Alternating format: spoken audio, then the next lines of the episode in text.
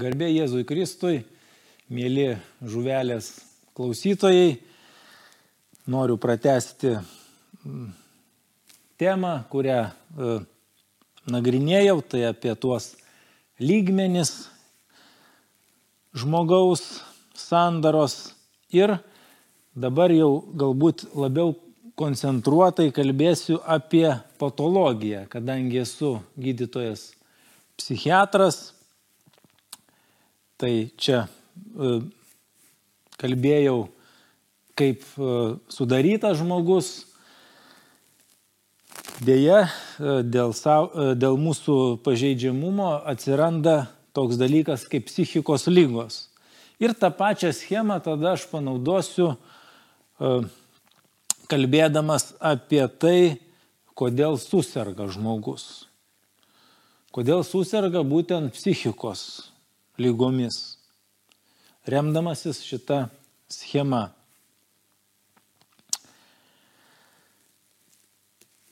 Priminsiu tos lygmenis - kūnas, siela, dvasia.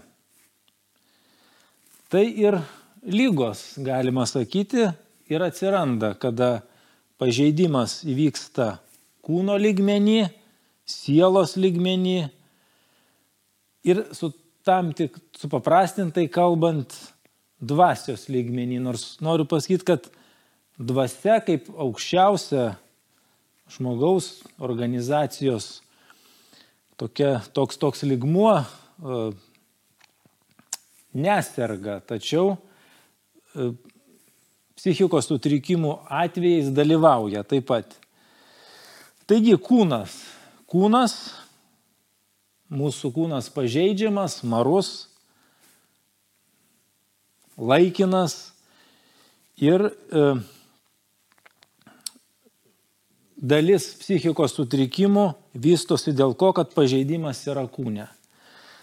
Konkrečiai smegenyse. Taip, tai e, jeigu taip supaprastintai kalbant, šitų medžiagų, šitų medžiagų apykaitos sutrikimai galvos smegenyse ir sukelia uh, psichikos sutrikimus.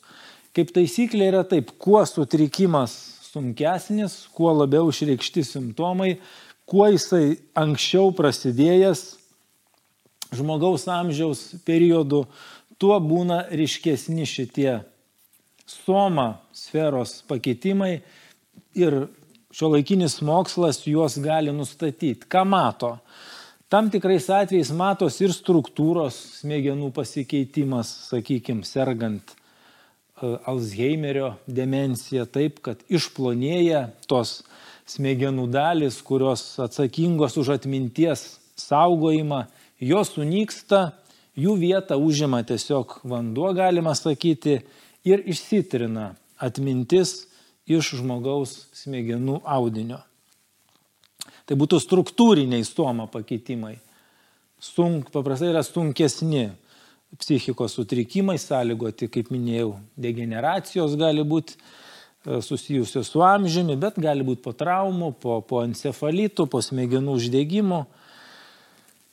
Visgi didžioji dalis e, sutrikimų, tokių kaip depresija, priklausomybės, nerimo sutrikimai, nesukelia smegenų struktūros pokyčių, smegenų struktūros pokyčių nesimato, bet matosi, kad yra pasikeitusi medžiagų apykaita.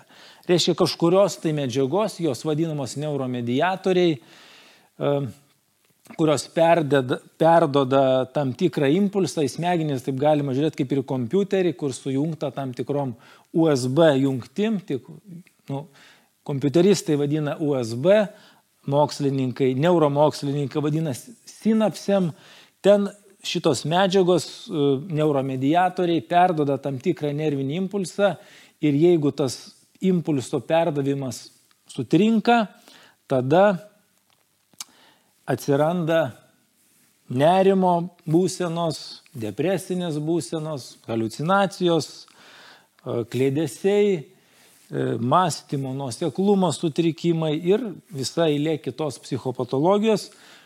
Tyrėjai mato, kad sinapsėse tam tikros medžiagos trūksta arba gaminasi per daug. Ir į šitą dalį veikia vaistai.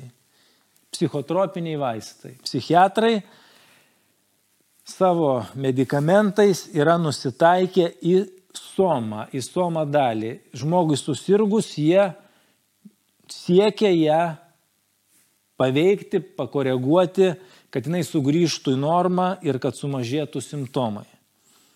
Tai va, čia yra psichiatrijos sfera, soma, priklausanti nuo smegenų biochemijos. Tada einam aukščiau. Siela, psiche. Taip, tai yra tai, ką smegenis produkuoja, galima sakyti, jau rezultatai funkcijos. Taip, tai yra emocijos, mintis ir, ir, ir suvokimas. Gali smegenys būti ir sveikos, tačiau jeigu žmogus auga nepalankioje aplinkoje, čia ypač taip svarbu žmogaus pradiniai gyvenimo etapai, sakyčiau, iki trijų metų tikrai toks būtų kaip pamatas žmogaus asmenybės, iki šešių metų galbūt tas toks fasadas, jeigu lyginam su namu žmogaus asmenybė, o paskui jau ten tik tai elementai tam tikri dailinami. Tai jeigu žmogus auga ne, nepalankioje aplinkoje, į smegenis įsirašo tam tikrą informaciją, kuri turi įtakos žmogaus tolimesniam gyvenimui. Kaip kalba, sakykim, taip, kad Lietuvoje, lietuvių šeimose gimė vaikai kalba lietuviškai, o japonų šeimose gimė japoniškai, tai ne soma lemia. Genų, kalbos genų nėra jeigu su japonų kūno sandarai būdinga vaiką įsivaikintų lietuviai, jis kalbėtų lietuviškai. Todėl, kad įsirašo tam tikrą informaciją, kuri būtent nepriklauso jau nuo somos, bet tai yra sielos funkcija. Tai kaip yra e, mūsų lingvistinė kalba, taip pat yra ir emocinė kalba, suvokimas gal mažiau čia dalyvauja šitoj, šitoj sferoj, bet, sakykime, gali susiformuoti tokie modeliai tam tikri, kad pavyzdžiui pasaulis yra teisintis ir sakantis, kad tu blogas ir kad tu netikęs ir kad tu turi stengtis labai daug, kad atitiktum kažkokius kriterijus. Taip, tai vad, sakykime, depresijos būtų vienas iš iš e, raidos mechanizmų. Problema ne soma sferoj, bet sielos sferoj. Sielos, kuri užaugo tokioje aplinkoje. Gali būti mąstymo sferoj, tai yra tam, tikros, tam tikras e, neadekvatus e, suvokimas pasaulio. Sakykime, kad kuo labiau prikaupsi materialių turtų, tai tuo būsi laimingesnis. Tokią informaciją galima įrašyti žmogui. Ir jisai paskui remdamasis to modeliu gali susidurti su nerimo būklėm, nes jausti, kad visgi kažkaip tas modelis neveikia ir, ir ta laimė kažkodėl tai neteina. Į šitą dalį nutaikyta psichoterapija. Čia, kaip minėjau, vaistai, o čia psichoterapija. Čia aš taip paprastumo dėliai skirstau dalyvauja visi trys lygmenys, su išimtim tam tikrom. Taip, aišku, kažkoks labai toks biologinis pažeidimas, tai aišku, bus tik somas sferoj pažeidimas, bet, sakykim, imam pačius dažniausius sutrikimus - priklausomybės, depresiją, nerimo sutrikimus. Visi trys lygmenys tame dalyvauja. Tiek tam tikras biologinis pažeidžiamumas žmogaus, jisai iš dalies genetiškai sąlygotas, bet jis nepaveldimas. E, paveldimumo faktorius nėra stiprus. Tai yra e, sielos dalykai, tai yra tam tikri mąstymo ir emocijų modeliai atsiradę žmogaus gyvenimo eigoje ir paskui neleidžiantis jam objektyviai suvokti realybės. Ir taip pat dvasiniai dalykai, kaip jau minėjau praeitoj e, laidoj,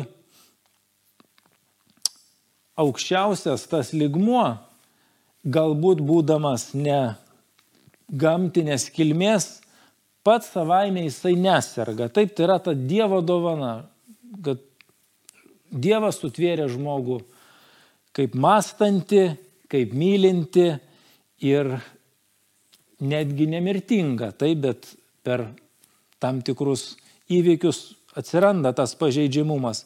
Bet tas pradinis, pradinis planas, ta aukščiausia organizacija žmogaus, jinai yra nepažeidžiama. Tik tai gali būti, kad žmogus neleidžia jai pasireikšti, sakykime. Taip jisai užkietina savo širdį. Taip toks terminas naudojamas uh, šventajame rašte. Taip kokį pavyzdį prisiminkim. Faraonas galėjo rinktis paleisti žmogu, žmonės į laisvę taip, kad žydų tauta galėtų patys tvarkytis savo gyvenimą taip, kaip jie nori ir grįžti į savo tėvynę, ar toliau išnaudoti juos ir laikyti vergais. Jisai turėjo tokią galimybę rinktis, buvo aukščiausias valdovas Egipto, bet Biblija rašo, kad buvo užkietinta širdis ir jisai priėmė sprendimą neišleisti jų laisvę. Taip, tai tokia vat ir kitose vietose Biblijoje randama užkietinta širdis. Reiškia, jinai neserga šitoj vietoj žmogus.